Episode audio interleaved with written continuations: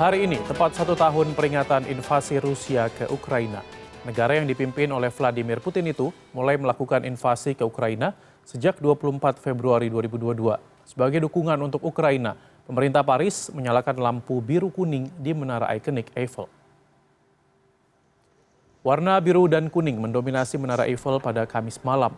Negara-negara sekutu Ukraina sedang bersiap untuk memperingati satu tahun invasi Rusia ke Ukraina. Ukraina mengatakan pasukannya berhasil memukul mundur serangan Rusia di garis depan menjelang peringatan satu tahun invasi. Satu tahun invasi berlangsung, namun hingga kini belum ada tanda-tanda Rusia ingin mengakhiri agresi dan berdamai dengan negara tetangganya itu. Presiden Vladimir Putin telah melancarkan serangan sejak mulainya musim dingin pada Desember lalu. Ini membuat jutaan warga Ukraina harus menghadapi cuaca dingin ekstrim di tengah kurangnya pasokan listrik di negara yang dipimpin oleh Volodymyr Zelensky.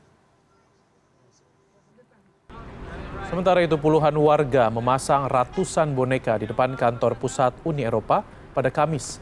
Warga yang berasal dari organisasi Avas ini memprotes dugaan deportasi anak-anak Ukraina oleh Rusia dan menyerukan kepada Uni Eropa dan Amerika Serikat agar segera bertindak.